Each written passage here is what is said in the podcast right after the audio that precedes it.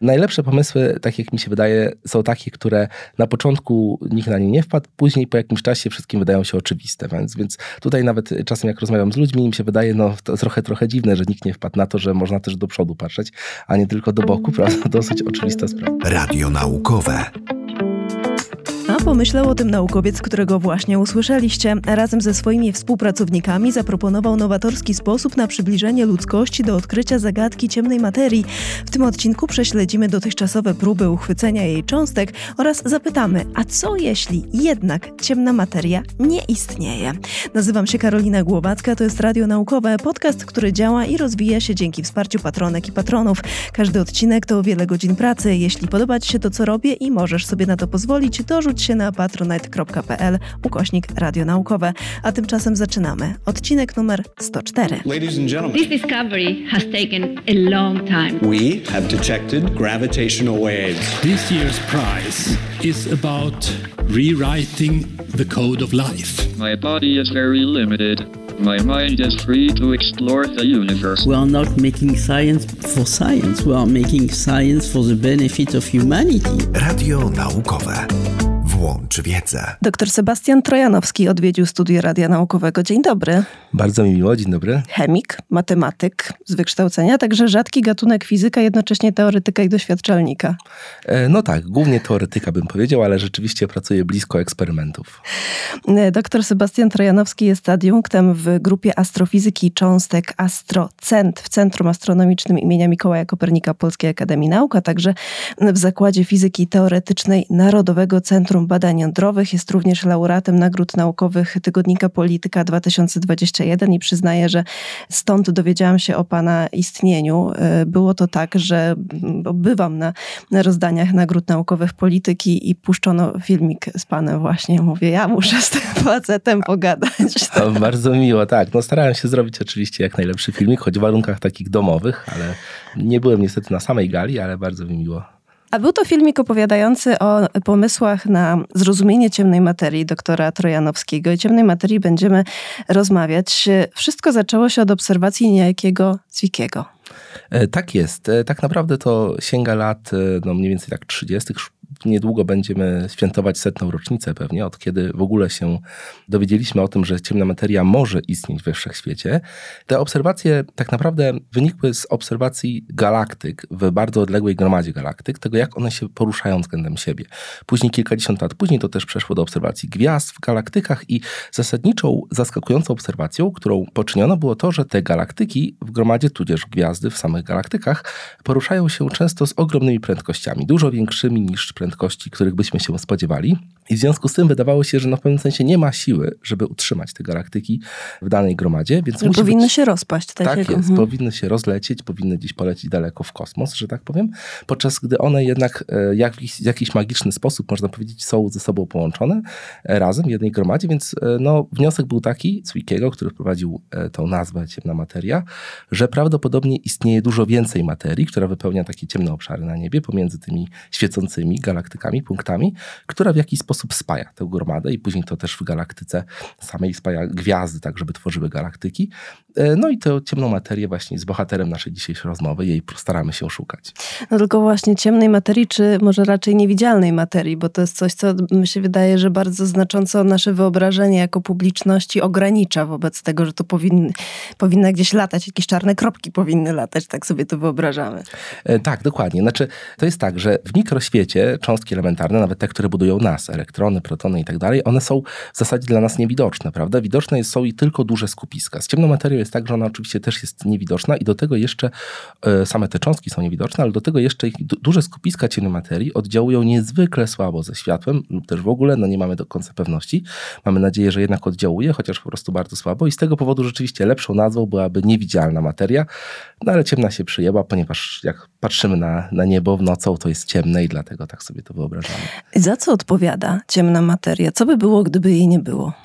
Tak, to jest świetne pytanie oczywiście i tak naprawdę jest wiele rzeczy, ale jedną z najbardziej takich kluczowych spraw związanych z istnieniem ciemnej materii jest formowanie się dużych struktur we wszechświecie. W bardzo wczesnych okresach, dość krótko po wielkim wybuchu tak zwanym, czyli w jakichś tam początkach wszechświata, gdy formowały się pierwsze gromady galaktyk, pierwsze struktury tak naprawdę, z których później mały dopiero powstawać galaktyki i te, ten wszechświat, który obserwujemy, to proces tego formowania był w dużej mierze uzależniony od właśnie istnienia takiej dodatkowej materii, nazywamy ją właśnie ciemną materią, która po prostu przez to, że jest jej dużo więcej niż zwykłej materii, to ona dawała tą dodatkową masę, która pozwalała skupiać się. Grawitacja, prawda, działa tak, że im więcej jest tej masy, tym ta, ta siła jest silniejsza i dzięki temu e, ta dalsza materia może się coraz bardziej i bardziej skupiać w takich skupiskach. I ciemna materia odgrywała kluczową rolę właśnie w takim skupianiu zwykłej też materii i później w tworzeniu właśnie galaktyki i tego wszechświata, który, wspaniałego, który możemy obserwować na nocnym niebie. Ale to znaczy, że nie byłoby planet tego wszystkiego, gdyby nie ciemna materia?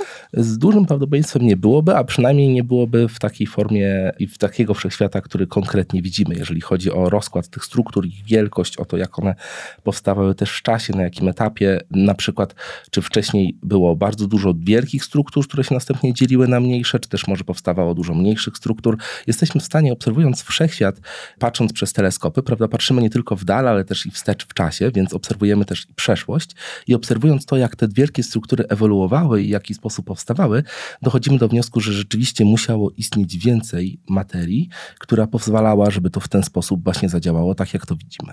Ale czy to nie jest trochę dziwne, że nie wiemy, czym ciemna materia jest, ale znamy jej naturę?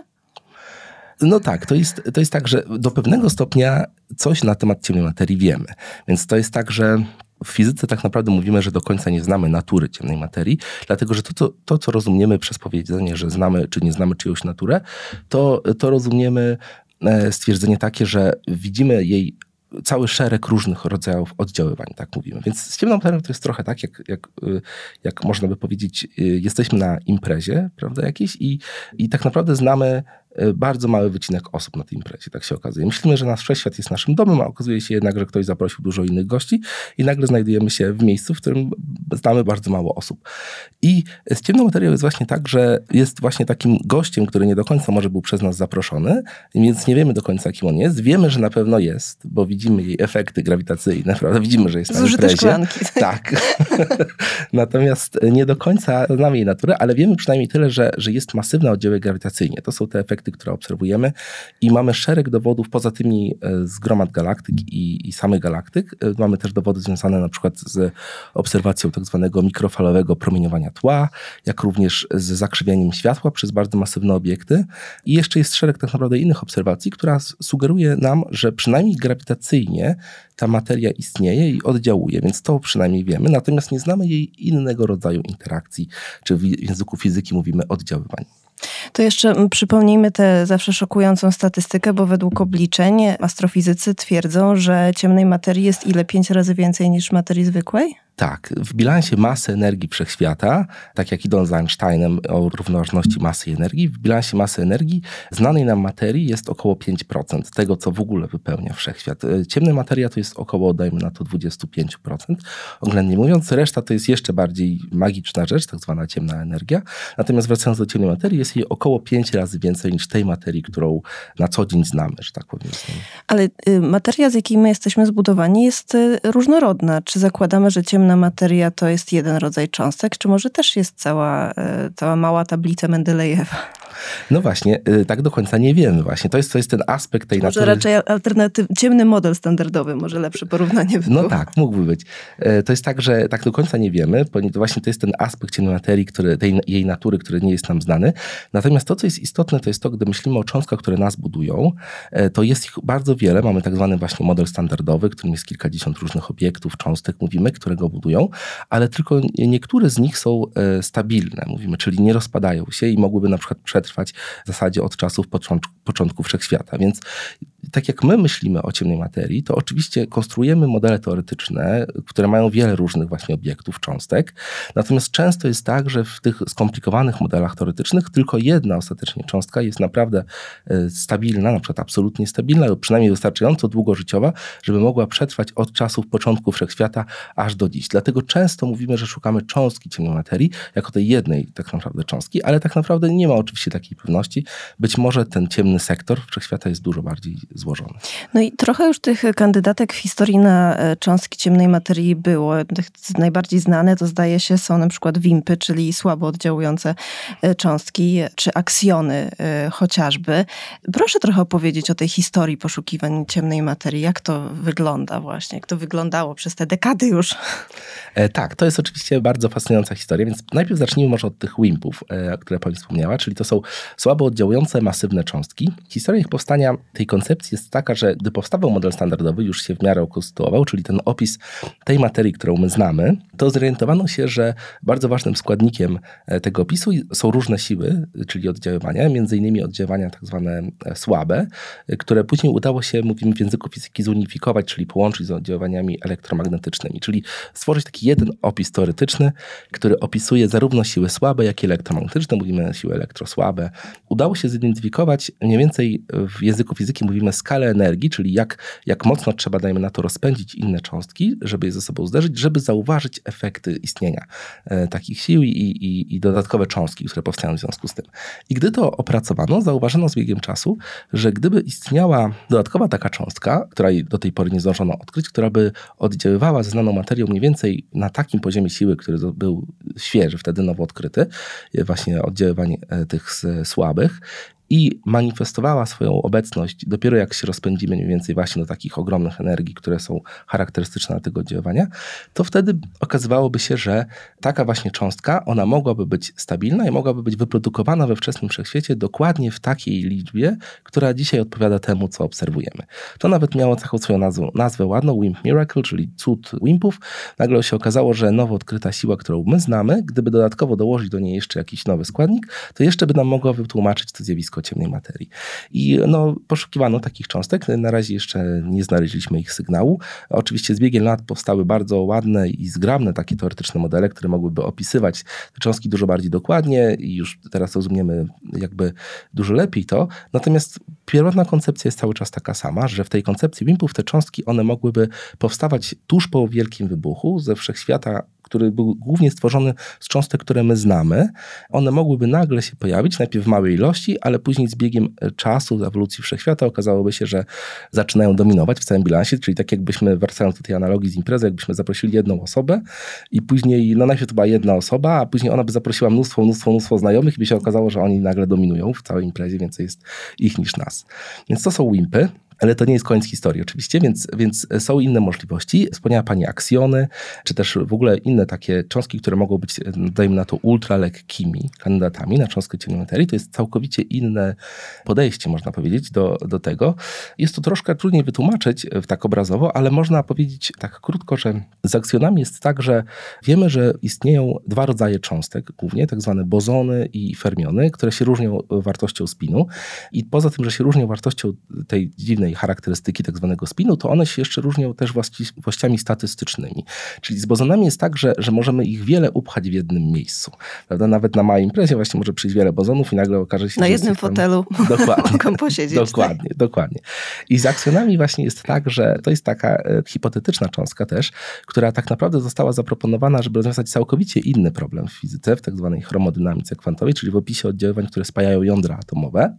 A później się okazało, że istnieje szansa szansa, że, że jeśli taki akcjon rzeczywiście istnieje, to on mógłby się we wczesnym wszechświecie powstać w takim e, mechanizmie związanym z, z jego falową naturą. I dzięki temu, że jest bozonem, mogłoby tych akcjonów nagle się okazać, że jest ich bardzo dużo jakby w jednym miejscu, można powiedzieć, mówimy w fizyce w jednym stanie kwantowym. I nagle okazałoby się, że w skali makroskopowej, w takiej, której obserwujemy, one zaczynają się zachowywać jak materia, jak taka właśnie zwykła materia, ale nie zwykła, tylko właśnie dodatkowa, więc mogłyby tłumaczyć zjawisko ciemnej materii. Materii.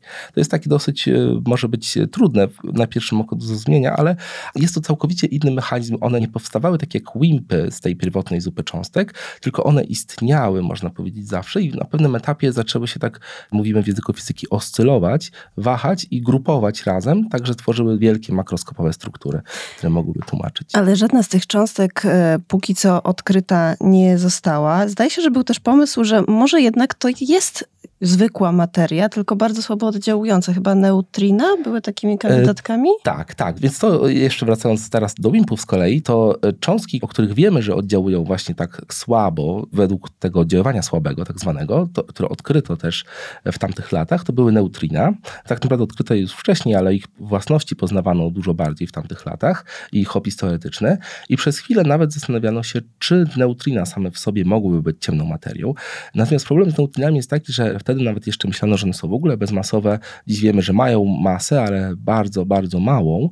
I gdyby to one miały być ciemną materią, to okazuje się, że one właśnie niestety nie byłyby w stanie wytłumaczyć tego, jak powstawały te wielkie struktury we wszechświecie. To, co obserwowaliśmy wcześniej. Niestety okazałoby się, że ten opis powstawania tych struktur musiał być całkiem inny, niezgodny z tym, co obserwujemy. Więc mówimy o tym, że neutrina mogłyby być tak zwaną gorącą ciemną materią, tak się mówi, czyli poruszać się bardzo, bardzo szybko, ale niestety nie odpowiada to temu, e, co jest w rzeczywistości. Więc to może być jakiś mały składnik ciemnej materii, ale główny to musi być coś innego. I tak właśnie powstała koncepcja wimpów jako taki ciężki rodzaj neutrin. Nowa cząstka, która mogła być ciężkim neutrinem w pewnym sensie. Czy to jest e, klasyczny sposób tworzenia nauki? Bo wydaje mi się, że kiedy ktoś na przykład nasłuchający nie bardzo funkcjonuje w tym świecie naukowym, to może teraz się tak zastanawiać, aha, czyli macie jakiś problem do e, wyjaśnienia i wymyślacie no dosłownie, wymyślacie po kolei różne rodzaje cząstek, które akurat mogą pasować. Taka trochę zabawa, można by powiedzieć, że każdy sobie może wymyślić jakąś cząstkę i powiedzieć, że o, to jest moja teoria.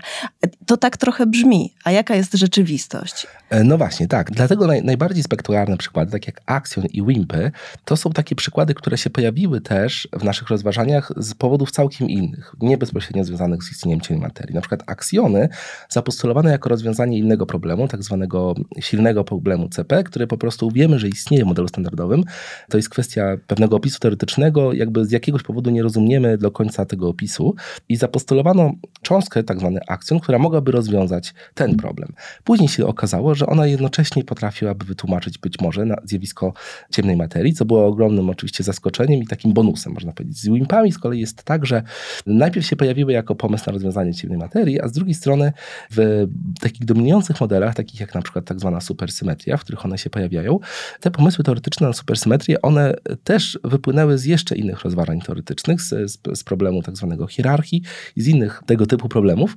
Stworzono całą konstrukcję, taki można powiedzieć, tak jak pani wcześniej mówiła, ciemny model standardowy. Każda cząstka z modelu standardowego ma swojego superpartnera, cięższą cząstkę i to jest bardzo skomplikowana, ale bardzo piękna tak naprawdę matematyczna struktura, która pozwalała rozwiązać wiele takich problemów czysto teoretycznych, a później się zorientowano, że jednocześnie jako bonus być może daje ona kandydata na cząstkę ciemnej materii. Więc Mhm. Tylko mówię o tym, że to nie jest tak, że sobie za stryknięciem palcami wymyślacie coś, że a to ja taka niech będzie ta cząstka, tylko to jest jednak bardzo formalnie różnymi elementami obostrzone. To musicie to wszystko policzyć, żeby zaproponować dopiero jakąś taką cząstkę. Oczywiście, tak jest, tak, tak. To sytuacja wygląda tak, że w fizyce cząstek, żeby zaproponować jakiś model, to są bardzo ścisłe reguły tego, jak można w ogóle taki model opisywać.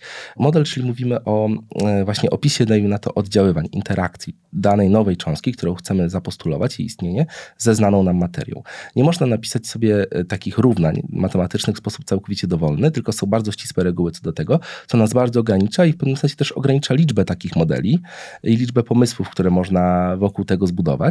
Więc to jest pierwsze ograniczenie. A drugą sprawą jest taką, że jak już nawet uda nam się te pierwsze takie bardzo formalne matematyczne ograniczenia przełamać i zbudujemy taki model, no to dalej jest pytanie o to, że zaczynamy robić dalsze obliczenia, żeby zobaczyć, jakie są przewidywania tego modelu. Czy na przykład potrafi przewidzieć, ile powinno być ciemnej materii względem tego, co obserwujemy obecnie. Czy potrafi przewidzieć to, że nie potrafimy jej jeszcze odkryć, bo na przykład są takie modele, które przewidują świetnie liczbę ciemnej materii, są matematycznie spójne, ale według nich już dawno powinniśmy odkryć ciemną materię w innych eksperymentach, czego się nie udało, więc one oczywiście już są wykluczone. Więc tak, nie ma absolutnie dowolności w tym, to jest bardzo taki dosyć złożona sprawa, ale ostatecznie udaje się skonstruować jakąś liczbę modeli, która opisuje własności ciemnej materii. I potem można je weryfikować. Pan jest fanem Star Treka, zdaje się.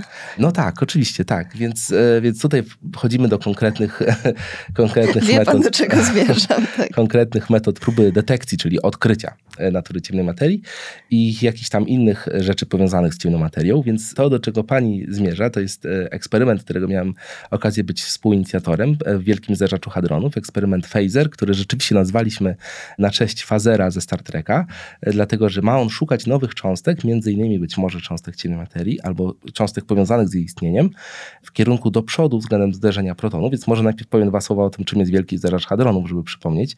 Więc Wielki Zderzacz Hadronów to jest oczywiście no, wspaniała konstrukcja na granicy francusko-szwajcarskiej. To jest podziemny tunel, w którym rozpędzamy do ogromnych prędkości protony, czyli protony to są jądra atomu wodoru e, i składniki innych jąder atomowych, cięższych pierwiastków. I w kilku miejscach tego tunelu po jakimś czasie zderzamy te protony ze sobą. Więc jak one się zderzają, to są dwie przeciwbieżne cząstki protonów, czy biegnące w przeciwnych kierunkach, ostatecznie się zderzają jak zderzenie czołowe samochodów, to szukamy, co wypadnie, że tak powiem, z tych samochodów i w ten sposób taki wielki zderzacz hadronów działa jak taki też w pewnym sensie teleskop, który próbuje odtworzyć warunki bardzo wczesnego wszechświata. Więc cofamy się troszkę do e, sytuacji bardzo blisko wielkiego wybuchu. Przez te ogromne energie, które tam wsadzamy. Mhm. Dokładnie. Przez te ogromne energie, przez warunki, które odtwarzamy na chwilę w tym zderzeniu protonów, próbujemy zobaczyć, jak mógł wyglądać bardzo wczesny wszechświat i jakie cząstki mogły tam istnieć. Więc czasem być może z takich samochodów, protonów, które się zderzają, wypadnie coś ciekawego i próbujemy właśnie tego szukać. I od lat, od już ponad dekady działa Wielki Zderzacz Hadronów i, i próbowano tego głównie szukać e, stojąc gdzieś boku, można powiedzieć, na chodniku patrzeć, co wypadnie e, gdzieś tam pod jakimś kątem prostym, czy coś takiego. Podczas gdy kilka lat temu razem ze współpracownikami zaproponowaliśmy, że, że można też szukać efektów takich zderzeń, można powiedzieć na linii strzału, czyli na linii z tego zderzenia, tylko trzeba się oczywiście odsunąć troszkę, żeby nie być zbyt blisko i żeby samemu nie zostać wciągniętym w ten, w ten wir wydarzeń tam. Czyli jakby oglądając ten wypadek samochodowy z y, samochodu z tyłu na przykład, Na w przykład. bezpiecznej odległości. Mhm. Dokładnie, na przykład. No. I okazuje się, że w ten sposób w Wielkim Zderzaczu Hadronów też można zaobserwować wiele ciekawych rzeczy. Między innymi można badać neutrina, o których pani wcześniej mówiła. To, to są cząstki, które już znamy, ale okazuje się, że nigdy nie znamy niczego tak do końca, więc chcemy znać jeszcze lepiej, prawda? Ale poza tym można też szukać śladów tej tak zwanej nowej fizyki, między innymi być może powiązanych z istnieniem ciemnej materii. I ponieważ to jest jakoś tak nam się skojarzyło z takim właśnie jakby właśnie z jakimś takim pistoletem, który miałby strzelać stamtąd, to nazwaliśmy to Fazer na cześć e, Fazera ze Star Treka. E, Natomiast oczywiście nie jest to żadna broń, ani nic takiego, jest to zwykły eksperyment, a my próbujemy obserwować jego efekty oddaleni o około pół kilometra od tego zderzenia i jeszcze osłonięci e, skałami i innymi rzeczami, także nawet nie widzimy bezpośrednio punktu zderzenia, bo chodzi tak naprawdę o to, że próbujemy szukać zdarzeń niezwykle, niezwykle rzadkich i chcemy się oddzielić od tego wszystkiego, co już wiemy, co się wydarza dużo, dużo częściej. Czyli to nie w samym zderzaczu hadronów obserwujecie? E, To jest, można powiedzieć, część wielkiego zderzacza hadronów, ale nie, nie blisko punktu danego zderzenia protonów, tylko około pół kilometra dalej, bo wielki zderzacz hadronów to jest e, no, w pewnym przybliżeniu taki okrąg, można powiedzieć, w którym te protony krążą, więc na pewnym etapie, jak się odsuniemy wystarczająco daleko, to ta linia zderzenia, ona jest po prostu linią prostą, sobie dalej biegnie, natomiast ta droga, ten tunel, po którym krążą protony, już zaczyna skręcać. Dlatego tam jest miejsce, gdzie można umieścić nowy eksperyment. Jest to po prostu jeden z bocznych tunelów Wielkiego Zderzacza Hadronów, ale tak naprawdę jest to w odległości kilku metrów od, od rury, którą podróżują te protony. Wiem, że czekał Pan razem ze współpracownikami, aż LHC zostanie uruchomione, żeby można było zacząć właśnie ten eksperyment. LHC ruszył jakiś czas temu i co, już zbieracie dane? Tak jest, właśnie. To jest wielka nowina, że eksperyment zaczął zbierać dane niedawno, bo, ponieważ zaczął się tak zwany RAN 3, czyli nowy okres działania Wielkiego Zderzacza Hadronów, e, dosłownie no, na wiosnę, teraz tego roku i, i będzie zbierał te dane przez najbliższe kilka lat. I to jest rzecz, którą robimy już obecnie i będziemy robić. Tak naprawdę moi koledzy eksperymentatorzy, ja jestem bardziej teoretykiem, więc e, bardziej jestem odpowiedzialny za propozycje takich modeli, a oni teraz będą je weryfikować eksperymentalnie. A to, co dalej chcemy robić, to chcemy próbować rozszerzać ten pomysł na kolejne lata działania zderzacza i to jest teraz główny aspekt mojej pracy, w którym chcemy tak naprawdę zaproponować jeszcze więcej takich eksperymentów w przyszłości i budowę dedykowanego tunelu w pobliżu Wielkiego Zderzacza Hadronów, który już to, obecnie... To ambitnie. No dokładnie, tak. To jest większy projekt oczywiście, natomiast on ma już teraz kilkuset badaczy, którzy z całego świata, którzy się jakoś skupili wokół tego i jest zainteresowanie ze strony CERN-u, więc trwają rozmowy. Nie jest to oczywiście jeszcze w 100% zatwierdzone obecnie, ale no, staramy się jak możemy, żeby to promować. Ale to y, musicie wiedzieć, drodzy słuchacze, że to, co mówi doktor Trojanowski, to jest naprawdę nie licho, bo y, przebić się y, w takim środowisku jak fizycy cząstek, których was jest po prostu dużo, jak mrówków można powiedzieć, każdy ma jakieś swoje pomysły, a panu razem ze współpracownikami udało się do tego pomysłu y, Phasera też przekonać bardzo szybko, a to, co mi teraz pan mówi, ja tego nie wiedziałam, że są koncepcje, żeby jeszcze dobudowywać kolejną infrastrukturę, to to już w ogóle czapki z głów, że się o tym y, rozmawia. Nie, no tak, to jest, to jest tak. To jest oczywiście wielka sprawa i jesteśmy z tego bardzo dumni. Zaczynaliśmy jako cztery osoby, czterech teoretyków, więc nawet nie eksperymentalistów, więc nie mamy pojęcia, jak zbudować detektor tak naprawdę. Więc mieliśmy tylko pomysł w głowie. Udało się namówić do tego najpierw kilkadziesiąt osób, które właśnie zaproponowały konstrukcję detektora phaser i udało nam się ten detektor zrobić. Natomiast teraz już jest kilkaset osób, które starają się rozszerzyć, powiedzieć, że ok, fajnie, że mamy ten detektor phaser, on będzie zbierał teraz dane, natomiast dobrze byłoby mieć większy taki detektor w przyszłości i jeszcze dodatkowo kilka innych tak naprawdę pomysłów jest, których ja też jestem inicjatorem niektórych z nich przynajmniej na inne detektory, tylko że oczywiście wszystko trwa jakiś czas, więc Wielki Zderzacz Hadronów to jest oczywiście, tak jak pani powiedziała, tam jest dużo osób, to są też duże pieniądze, więc to jest wszystko zaplanowane na kilka lat do przodu, więc obecnie na szczęście udało nam się wbić, że tak powiem, w ten run 3, co było wielkim wyzwaniem, a teraz próbujemy się wbić w run 4, można powiedzieć, to co nastąpi od około roku 2027 mniej więcej, więc to pokazuje też skalę czasową, że mówimy o sytuacji za 5 lat mniej więcej, prawda? Podczas gdy już teraz tak naprawdę do końca tego roku dużo decyzji musi zapaść, żeby w ogóle cokolwiek mogło zaistnieć, ponieważ to jest długie planowanie, żeby takie rzeczy mogły istnieć. To jest bardzo ciekawe. E, jak się promuje właśnie takie projekty? No bo wyobrażam sobie, że siedzieliście z kolegami gdzieś tam na kawie czy w gabinecie i rozpisywaliście sobie na przykład to na e, tablicy e, i, i, i wymyśliliście, dobra, to jest chyba, to jest chyba fajny koncept. No jakoś wszystkim to umykało, to my, my to zaczniemy promować. I co się zaczyna robić? Trzeba napisać pracę o dobrym tytule, trzeba mieć dobry PR, trzeba zagadać do kolegów, koleżanek na stołówce. Jak to się robi? No tak, to jest, to jest proces skomplikowany, więc pierwsza rzecz jest taka, że oczywiście pomysł jest ważny, prawda? Więc najlepsze pomysły, tak jak mi się wydaje, są takie, które na początku nikt na nie nie wpadł, później po jakimś czasie wszystkim wydają się oczywiste. Więc, więc tutaj nawet czasem jak rozmawiam z ludźmi, im się wydaje, no to trochę, trochę dziwne, że nikt nie wpadł na to, że można też do przodu patrzeć, a nie tylko do boku, prawda? Dosyć oczywiste Ale na pewno sprawa. to sprawdzaliście, nie? Czy na to nie wpadł? Znaczy, da, właśnie, więc, więc były, są eksperymenty, które próbują patrzeć do przodu, ale nie szukają zjawisk związanych z nową fizyką, dlatego, że są umieszczone blisko.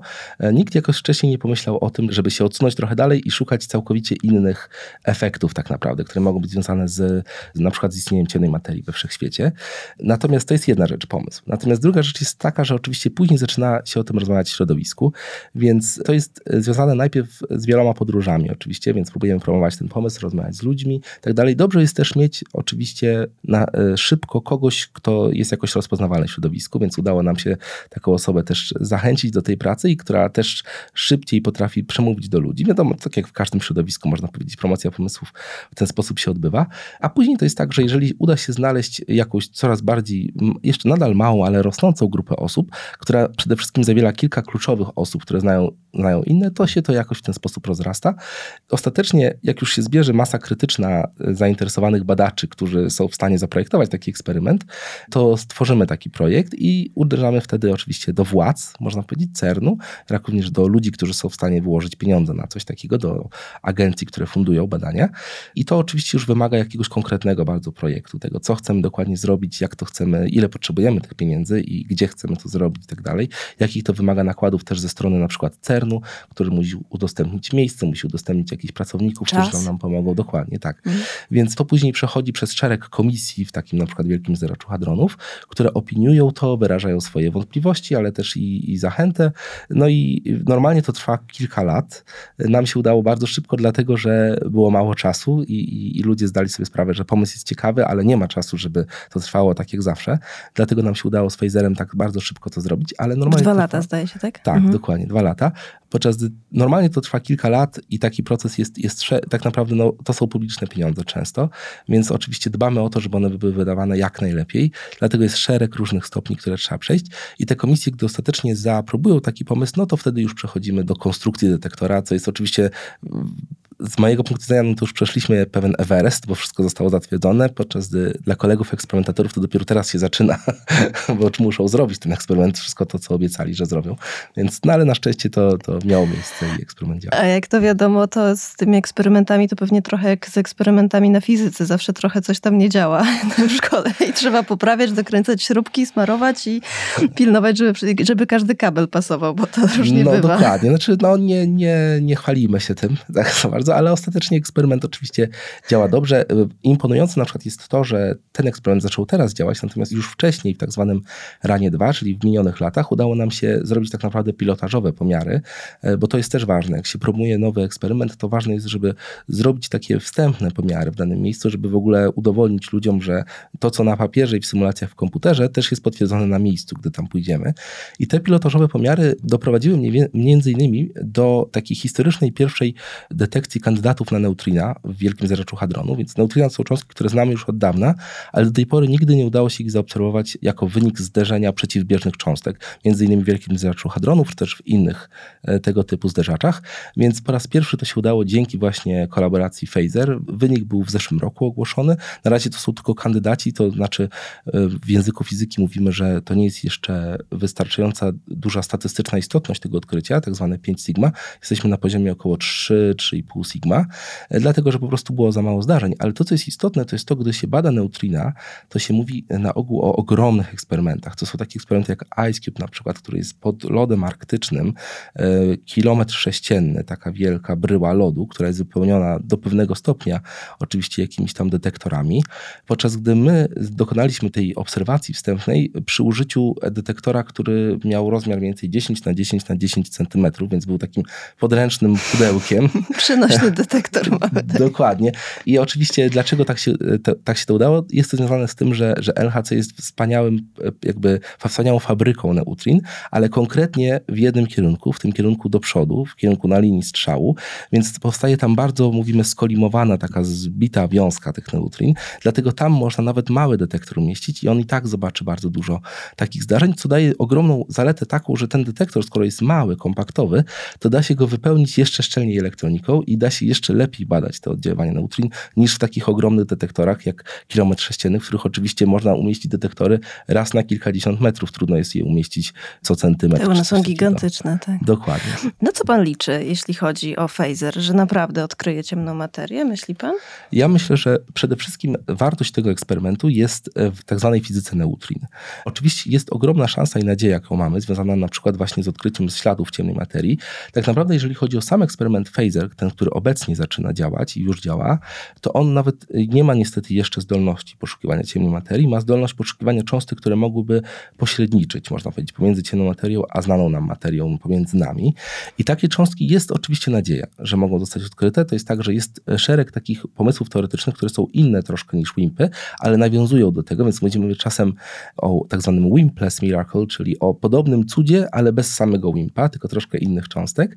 I cząstki, które właśnie mogą pośredniczyć między taką ciemną materią a znaną nam materią w ramach tego WIMPless miracle, one mogą być badane w phaserze i żeby takie cząstki mogły rzeczywiście przewidzieć to, ile jest ciemnej materii, to co obserwujemy, to jest to tylko jakiś mały wycinek tych modeli jest w stanie to zrobić i phaser rzeczywiście będzie potrafił w najbliższych latach istotną część, mówimy przestrzeni parametrów, czyli takiej mapy tych modeli właśnie sprawdzić, z, jakby przetestować, więc jest nadzieja oczywiście związana, przy czym tak jak pani zauważyła, tych kandydatów na cząstkę ciemnej materii jest więcej, są jeszcze aksjony i tak dalej, dlatego jest to zawsze większa niepewność w fizyce, jeżeli mówimy o odkrywaniu czegoś nowego, dlatego, że mamy szereg kandydatów, nie wiemy do końca, czy to ten będzie, prawda? Na pewno to, co będziemy w stanie powiedzieć na temat ciemnej materii, to jest to, że będziemy w stanie przy- przynajmniej przetestować część ważnych modeli, które teraz są. Jeżeli mamy akurat szczęście i to jest ciemna materia, to rzeczywiście tak się może stać. Dopiero kiedy wydrążycie ten dodatkowy tunel, to będzie można poszukiwać bezpośrednio ciemnej materii? Tak, właśnie to jest, tak, to jest właśnie jeden z pomysłów, który, który teraz promujemy, który jest związany z tym, że gdyby gdybyśmy mogli wydrążyć dodatkowy tunel w przyszłości, w następnym ranie, to wtedy będzie tam można umieścić też takie detektory, które mogłyby szukać bezpośrednio oddziaływań ciemnej materii. Chodzi o to, że ciemna materia ona musi być cząstką y, stabilną, czyli taką cząstką, która się nie rozpada, dlatego że powstała gdzieś tam we wczesnym wszechświecie, ma istnieć do dzisiaj i tak dalej. Cząstki, które pośredniczą pomiędzy ciemną materią a znaną nam materią, one mogą być z kolei niestabilne. One mogą się rozpadać, mogą powstawać, znikać, przy czym one nie znikają oczywiście całkowicie, tylko z, przemieniają się w jakąś inną formę, np. cząstek czy energii. I phaser, ten, który teraz działa, on e, jest w stanie szukać takich cząstek, które powstaną na przykład w Wielkim Zerczu Hadronów, przepodróżują kawałek i się tam rozpadną do czegoś, co jesteśmy w stanie odkryć. Więc to nie są cząstki samej ciemnej materii, ale cząstki, które właśnie mogą pośredniczyć. Natomiast w przyszłości w RANie 4 możemy mieć też takie eksperymenty, które mogłyby szukać bezpośrednich oddziaływań, mówimy takich odbić cząstek ciemnej materii od znanej nam materii, które nie wymagają rozpadu cząstek ciemnej materii, bo chcemy, żeby cząstki ciemnej materii były stabilne, natomiast wymagają jedynie tego, że one muszą jak, nie wiem, w pewnym sensie jak kulki bilardowe odbić się od czegoś w detektorze i my wtedy obserwujemy nie samą cząstkę ciemnej materii, której nie widzimy, ale efekt tego odbicia, czyli tą drugą kulkę, która została odbita. Więc takie eksperymenty mamy nadzieję móc umieścić w RANie 4, to jest przyszłość, przyszłość, a na razie badamy te cząstki, które są takim pomostem, można powiedzieć. Wspomniał Pan o Ice Cube, o tym eksperymencie, który jest w bardzo romantycznych okolicznościach umieszczony gdzieś tam daleko, schowany przed światem, ale Pan też bierze udział w takim przyszłościowym eksperymencie, w we wnętrzu góry? Ja osobiście nie, ale w naszym, naszym tak. centrum Astrocent, e, tam, tam gdzie pracuję, jest bardzo silna grupa rzeczywiście, która bierze udział w eksperymencie Darkside, który jest, e, to jest... E, Jeszcze tak, te nazwy genialne. Dokładnie, tak. Więc to próba powiedzenia czegoś o ciemnej stronie wszechświata, prawda, dlatego Darkside.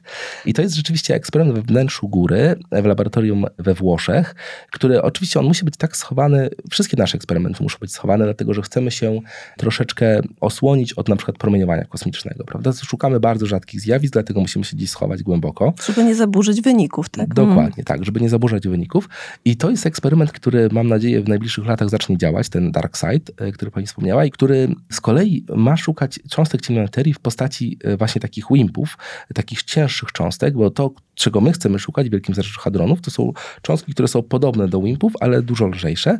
Oni z kolei chcą szukać cząstek, które są, można powiedzieć, klasycznymi wimpami, takimi jak najlżejsza cząstka supersymetryczna, choć mają też plany, żeby szukać e, i lżejszych troszkę cząstek. I to jest eksperyment, który polega właśnie na czymś takim, że on szuka takich zderzeń cząstek ciemnej materii z innymi atomami, w tym przypadku ciekłego argonu, e, w wielkim takim zbiorniku umieszczonym.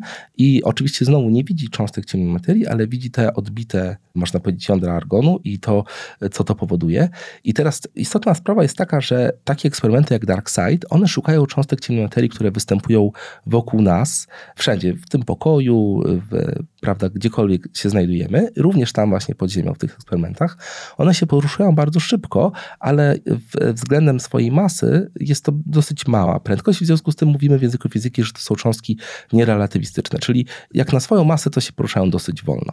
I powodują w takim razie takie zderzenia, odbicia tych kulek bilardowych, które są bardzo trudne do zaobserwowania. Ta kulka bilardowa się powiedzmy posunie mały kawałek i musimy mieć bardzo czuły detektor, który zdąży to zaobserwować. Natomiast takie eksperymenty jak ten nasz, który chcemy zaproponować w Wielkim Zaroczu Hadronów, one z kolei szukają cząstek ciemnej materii, które miały być produkowane w Wielkim Zaroczu Hadronów, czyli nie tyle tych, które są wszędzie wokół nas, ale tych, które sztucznie wytworzyliśmy, można powiedzieć, odtwarzając te warunki wczesnego wszechświata w Wielkim Zaroczu Hadronów. I takie cząstki, one z kolei są bardzo wysokoenergetyczne, mają ogromne prędkości, dużo większe niż te, które DarkSide może badać.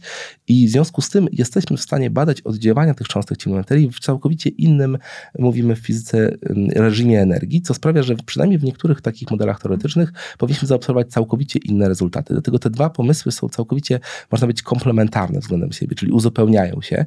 I jeszcze dodatkowo o ile eksperyment taki jak DarkSide no jest oczywiście czuły na to, czy ciemna materia składa się z jednej cząstki, czy może z wielu cząstek, których odpowiednio mniej jest wtedy każdej z nich, to nasz eksperyment z kolei nie jest w ogóle na to czuły, bo my jeszcze raz jesteśmy tylko czuli na to, jak często te cząstki mogą być produkowane w wielkim zerzaczu hadronów, a nie tyle, jak często one występują e, wokół nas. Więc, więc w związku z tym oba te pomysły, gdyby nam udało się coś zaobserwować w najbliższej, no pewnie ponad dekadzie, no to wtedy by, byśmy, albo nawet jak się nic nie uda zaobserwować, zaobserwować, to wtedy będzie w stanie wykluczyć wiele różnych tak naprawdę scenariuszy lub też mam nadzieję w końcu zobaczyć coś spektakularnego w tym.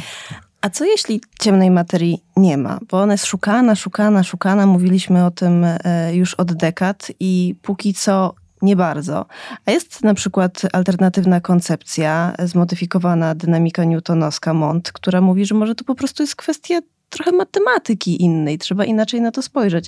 O ile wiemy, MONT się dobrze sprawdza w przypadku pojedynczej galaktyki, trochę się rozjeżdża, kiedy mowa o gromadach, no ale może trzeba poprawić po prostu fizykę, a nie szukać tych hipotetycznych cząstek. No tak. MONT to jest oczywiście taka koncepcja, która raz na jakiś czas wraca i będzie zawsze wracać, dopóki w końcu nie znajdziemy tej naszej cząstki ciemnej materii w innych oddziałaniach niż grawitacyjne. Więc MONT tak naprawdę no, próbuje wytłumaczyć te zjawiska, które obserwujemy i które przypisujemy ciemnej materii, skupiając się tylko na sektorze właśnie grawitacji, tych oddziałań grawitacyjnych.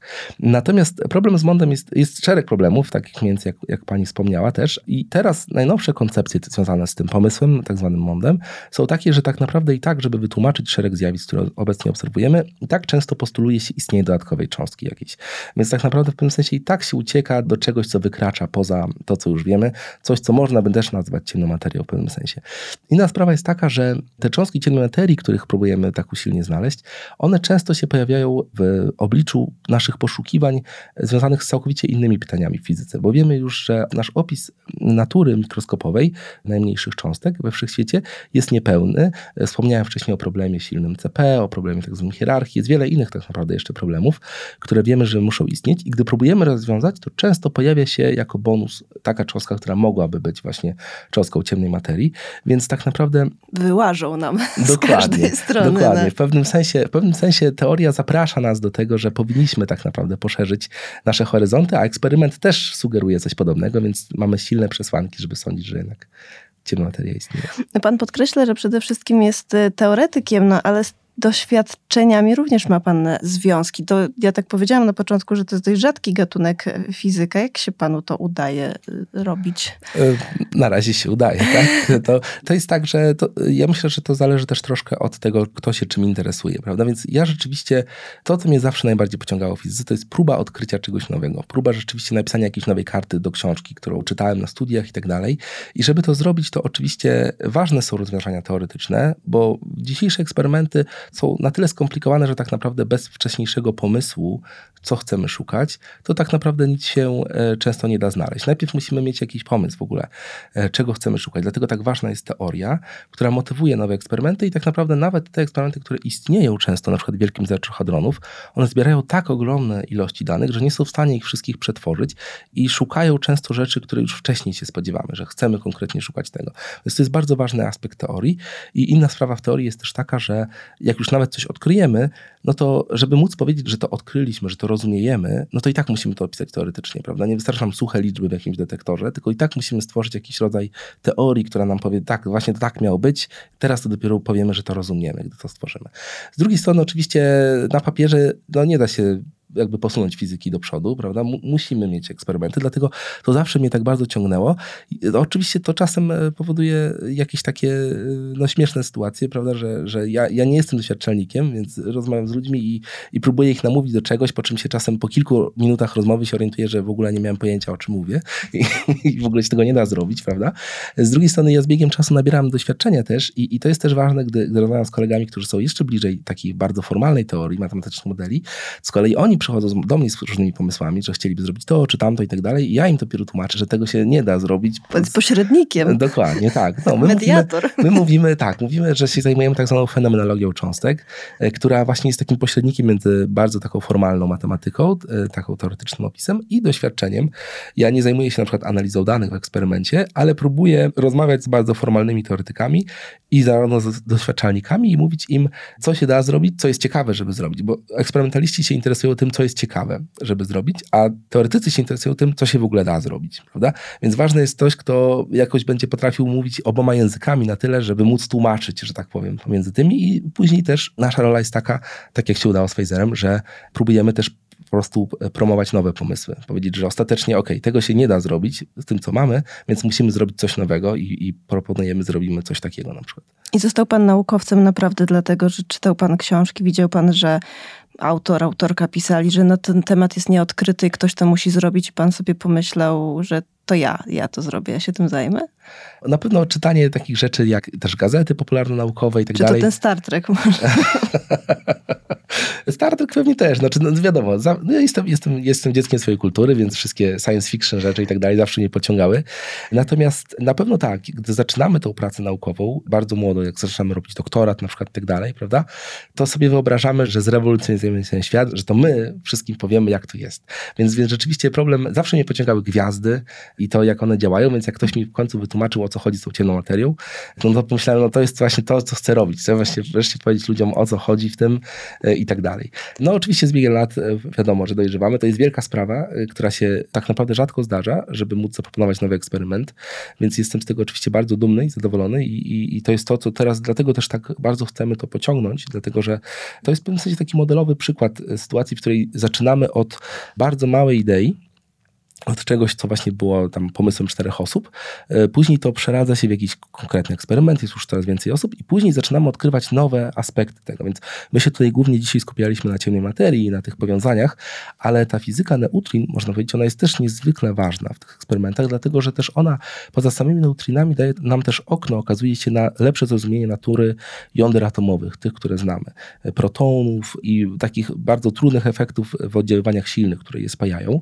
Więc to dopiero no, nie mieliśmy w ogóle na początku pojęcia, że coś takiego da się zrobić tam. To dopiero odkryliśmy z biegiem czasu. Więc tak naprawdę ten pomysł cały czas ewoluuje i okazuje się, że dzisiaj już mamy przynajmniej kilka różnych tak naprawdę głównych, mm, można powiedzieć, gałęzi, które rozwijamy w tym eksperymencie i to się też stało osią do propozycji tego rozwinięcia, spróbować to jeszcze w przyszłości mieć dedykowane laboratorium.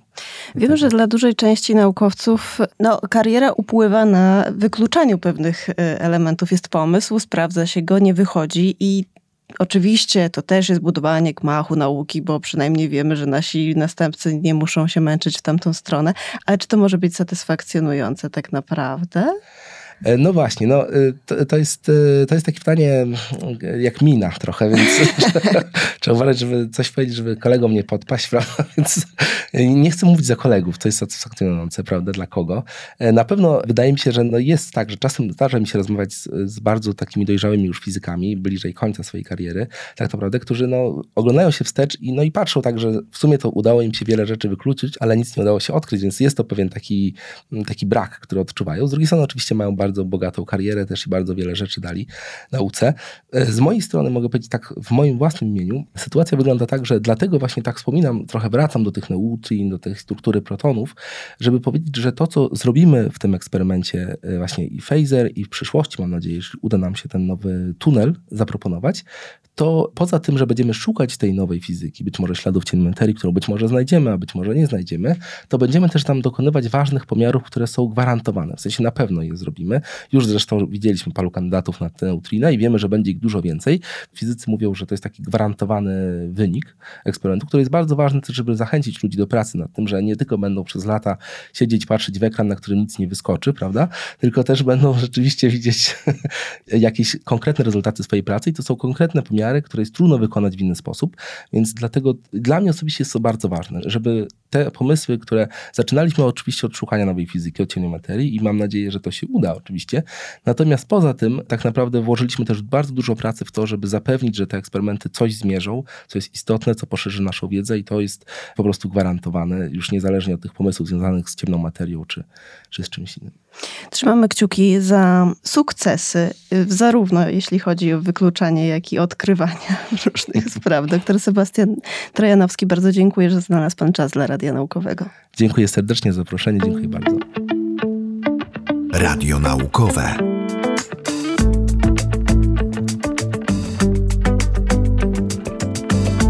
Bardzo dziękuję za wysłuchanie odcinka do końca. Wiecie co robić? Komentarze, łapki w górę, polecajki, wszystko to mile widziane. W kolejnym odcinku będzie prehistorycznie. Poznamy zwyczaje społeczności łowców-zbieraczy żyjących na terenach współczesnej Polski. To będzie jeden z odcinków przywiezionych z Poznania, a jak wiecie, podróże Radia Naukowego są możliwe wyłącznie dzięki wsparciu na Patronite. Wszystkim patronom i patronkom kłaniam się w pas. A tymczasem do usłyszenia. To był podcast Radio Naukowe. Więcej znajdziesz na stronie radionaukowe.pl oraz na profilach na Facebooku i Instagramie. Bądźmy w kontakcie. Dobrego dnia!